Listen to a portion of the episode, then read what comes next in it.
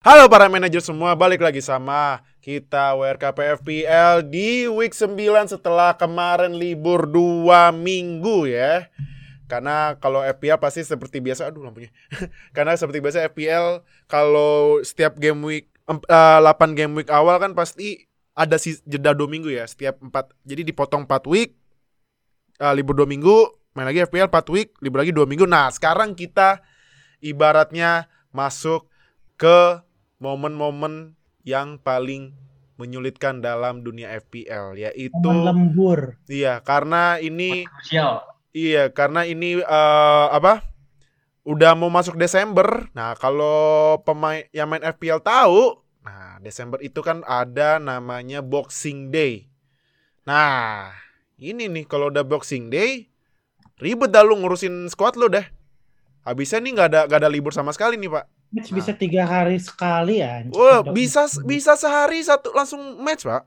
Gila ini kalau boxing day. Deadline-nya bisa tiba-tiba di weekday kan ya? Iya, makanya tiba-tiba bisa di weekday. Jadi, wah, jadi buat lu buat lu semua. Nah, lu siapin deh tuh gimana squad lu buat eh minggu-minggu neraka di FPL. Nah, jadi seperti biasa balik lagi sama gue Fadil, ada Amar juga yang udah Hey, join. apa kabar? Apa kabar? Nah, sama Noha udah join juga. Halo, halo. Apa Oke, semua? kita bakal mulai di week 9. Nah, jadi kalau lu udah follow Twitter kita kan di WRKP underscore FPL kan kita udah share poin week kemarin. Nah, bisa lihat lagi. Nah, jadi eh gue mau bahas ada dua topik nih. Yang pertama ini salah. Aduh, mau salah. Mau salah, mau salah. Mana nih mau salah? Running down the way. Mo Salah kena COVID. Aduh. Nih gimana ini eh, Egyptian King kena COVID gimana nih eh, Mar? Lu sebagai fans Liverpool apakah lu menyarankan untuk jual Salah walaupun mungkin nantinya dia sembuh atau gimana gitu? Eh, sebenarnya pemain Liverpool tuh nggak cuma salah, tapi semua juga tetot. sih. Jadi Nah, itu. Kalau lu punya pemain Liverpool sih se- sebaiknya untuk satu dua minggu ke depan pertimbangkanlah buat diganti. Gue Nah. ganti salah, gue ganti nanti dijelasin. Oke. Nah, no gimana menurut lu? Salah situation nih. Serba salah sih sesuai. Nah, iya serba salah Serba iya. salah Duh, sesuai gimana ini? dengan namanya ya. Karena di samping sisi lain salah ini kena COVID, itu kalau mau misalnya depending sama pemain Liverpool sekarang yang back-nya itu hilang semua, Hmm. apalagi kan kabar terbaru Andy Robertson cedera nih. Iya. Nah, Mm-mm. Defense-nya siapa yang mau andalin? Itu. Nah. Tapi kemarin tuh ada kabar eh, Robertson sempat main pas eh, dia eh, Scotland ya kalau salah ya. Iya, Scotland. Scotland dia start. Nah, ini nggak tahu nih gimana nih si eh, Jurgen Klopp nih apakah bakal nge-start apa gimana. Nah, cuman Alisson belum sembuh ya, Mare? Alisson hmm, Masih Belum. latihan ringan ya? belum kayaknya. Seingat gua sih belum ya. Eh, Aduh. wa- dan nih ya, kalaupun Alisson balik, yang main di belakang itu bukan topnya Liverpool sih. Jadi ya Betul, betul. F- FPL wise tetap jangan dulu deh buat eh, pilih back Liverpool atau pemain Liverpool lainnya. Tunggu satu dua minggu lagi sampai Liverpool bisa recoup, eh, udah sembuh semua, mereka udah udah mulai kelihatan eh, strateginya gimana. Tapi kalau ini agak nyimpang dikit, tapi kalau ada satu pemain yang mau lu lihat dari Liverpool mungkin Diogo Jota. Karena harganya masih murah, enam setengah dengan Gue setuju nih. Gua setuju. cedera-cederanya pemain Liverpool yang lain, uh, it's his time to shine. Jadi ya keep an eye on Diogo Jota sih. Iya, berarti eh, ini ya alternatifnya kalau misalnya duitnya nggak cukup buat beli Mane gitu kan atau ya Hmm. memang mau jual salah bisa ke Diogo Jota ya. Bisa, bisa, bisa. Nah, tuh karena Diogo Jota juga mainnya juga lumayan nih kalau gua cek ya ini Diogo Jota ini kemarin ya di week 6 sama 7 sempet bikin gol walaupun week 8 enggak ya karena kan lawan City juga. Nah, jadi buat lu yang ini kali yang mau jual salah atau gimana tapi atau duitnya nggak cukup buat Mane bisa bisa Diogo Jota ya. Nah, next ini nih ini yang membuat para FPL manager panik karena melihat schedule-nya, waduh ini schedule-nya gila ini. Aset aset Spurs, apalagi duo Kane sama Son. Dan kalau kita lihat di trennya itu pada banyak ngejualin Kane sama Son, apalagi tadi tuh Son harganya turun loh. Karena banyak yang jual. jual. Nah, Mar, kalau Hmm. lu lu punya lu, kan nggak punya Kane sama Son ya? Gue punya Son, tapi nggak punya Ken. Ah, apa kalau lu, lu bakal jual Son dengan schedule-nya nih week 9 10 ketemu City, Chelsea, 11 Arsenal, 12 Crystal Palace, 13 Liverpool, 14 Leicester. Tuh. Ini 1 2 3 4 6 match week. Ini kayaknya lumayan berat nih buat Spurs. Tapi kalau menurut lu apakah lu bakal jual Son? Eh, gini, gue malah malah mau mencoba cari cara biar punya Ken sama Son. Oh! Karena Kenapa? karena gini, hear me out, hear me out. Ah. Menurut gue Ken sama Son ini eh, dua pemain yang fixture proof. Mhm. Oke, di beberapa game week terakhir dia eh, Son ya nggak poinnya nggak gitu bombastis, tapi eh, going forward, apalagi baru selesai international break, I expect them both to be more productive than ever. Eh, terus udah gitu juga melihat situasi kayak pemain-pemain Liverpool yang cedera, FPL FPL darlings lah ya, terus udah gitu oh, pemain-pemain lain dari international break eh, ada yang ya gak, gak cuma cedera tapi ada risiko COVID dan lain-lain. Sejauh ini Ken sama Son gue belum dengar ya beritanya mereka eh, kena COVID atau ada belum cedera. ada belum ada kok Belum ada ya, correct me if Belum. I'm wrong. Tapi sejauh ini sampai hari ini kita mulai rekaman belum ada. Belum ada. Dan juga gue punya pemain Liverpool yang harus diganti. Jadi gue nggak ada alasan buat ngejual dan bahkan mau coba cari cara biar gue bisa datengin kedua-duanya. Karena eh kayak yang gue bilang tadi, they both are fixture proof. Pundits see them as uh, one of the best, if not the best duo in the Premier League right now. So ya yeah, kalau lu baca artikel-artikel di uh, di Atletik juga banyak yang memuji kok. So benar benar gue masih percaya. Nah. No, lu punya Ken ya? satu, Dua week ke depan lah. Oh, Oke. No, lu punya Ken sama Son ya? ya gue punya dua-duanya Lu jual nggak? Dua-duanya. gue enggak gue enggak akan gue untuk untuk saat ini enggak makan menjual mereka enggak akan jual dulu Kenapa?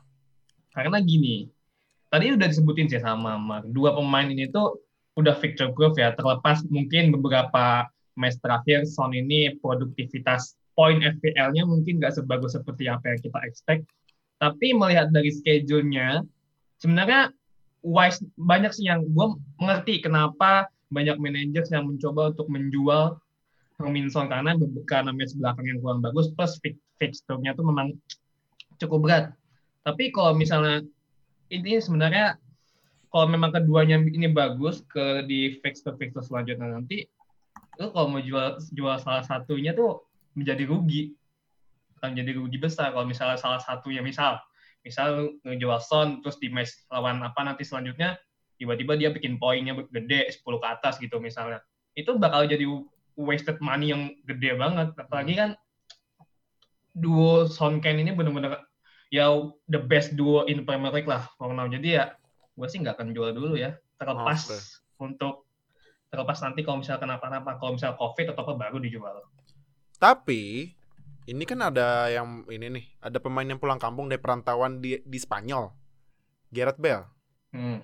Nah, lu lu pada ngerasa nggak sih dengan kehadiran Gareth Bale ini Son agak terancam gitu? Bu- buat gue belum. Belum, kenapa?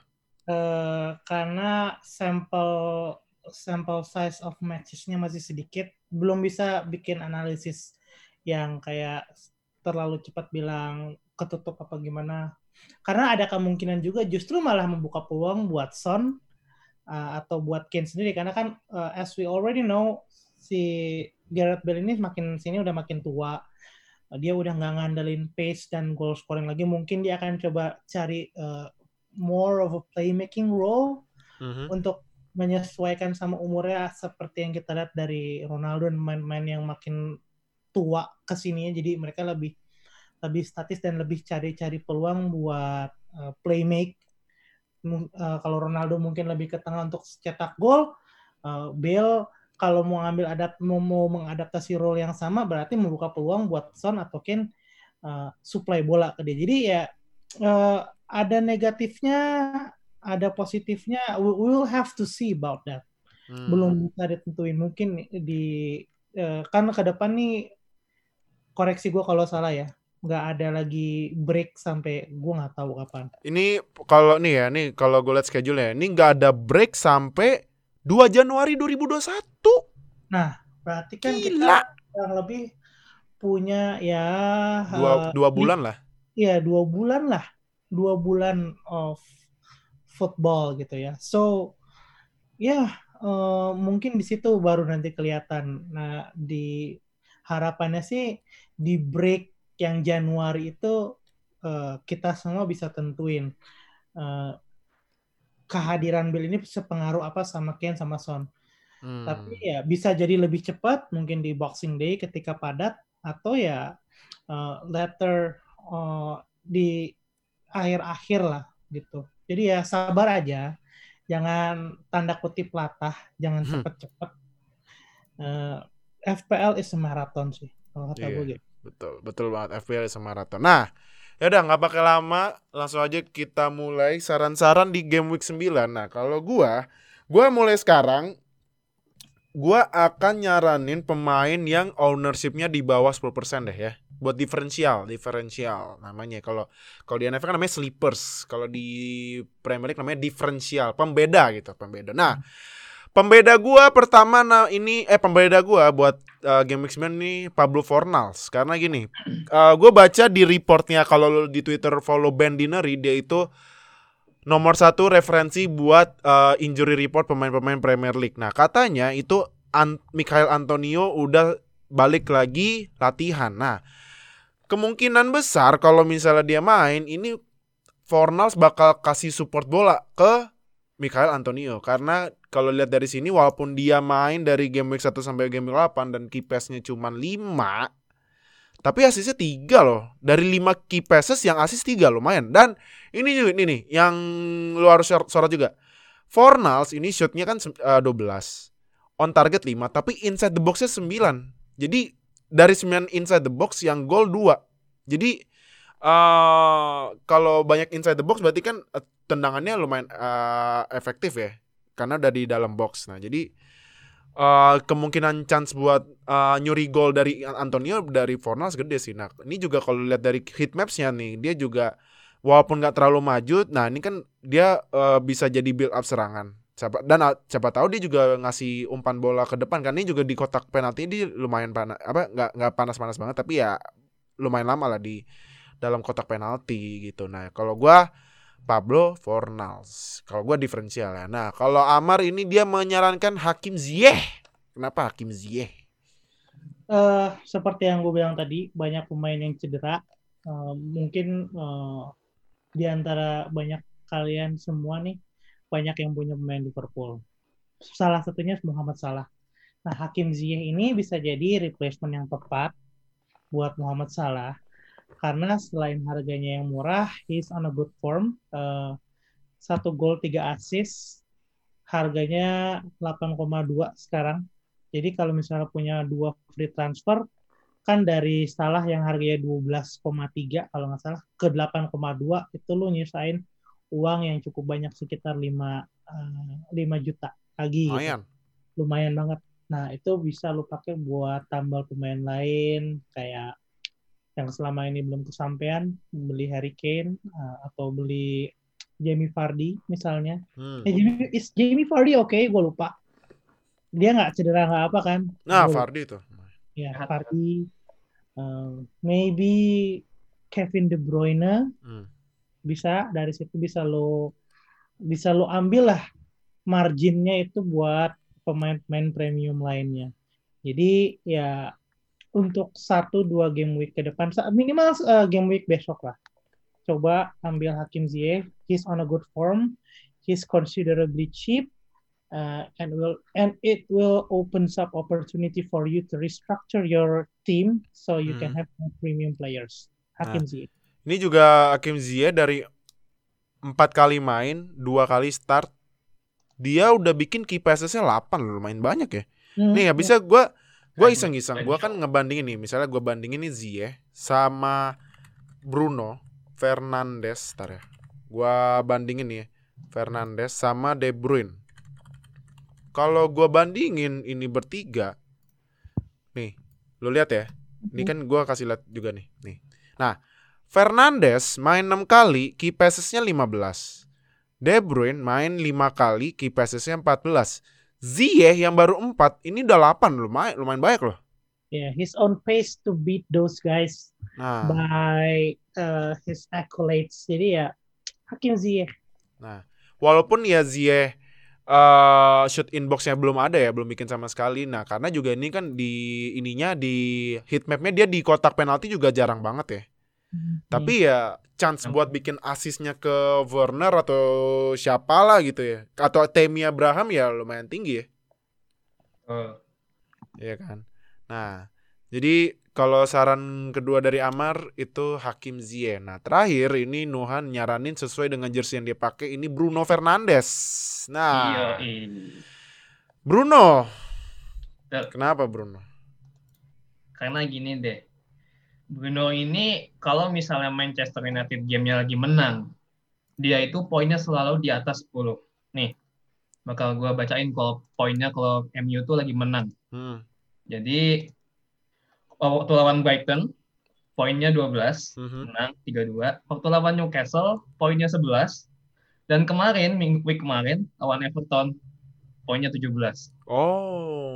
Jadi oke. kalau memang kalau misalnya kalau bukan dia bukan misalnya, kalau Manchester United itu lagi menang, Bruno ini sangat involved dari semua peluang, entah itu gol, entah itu assist.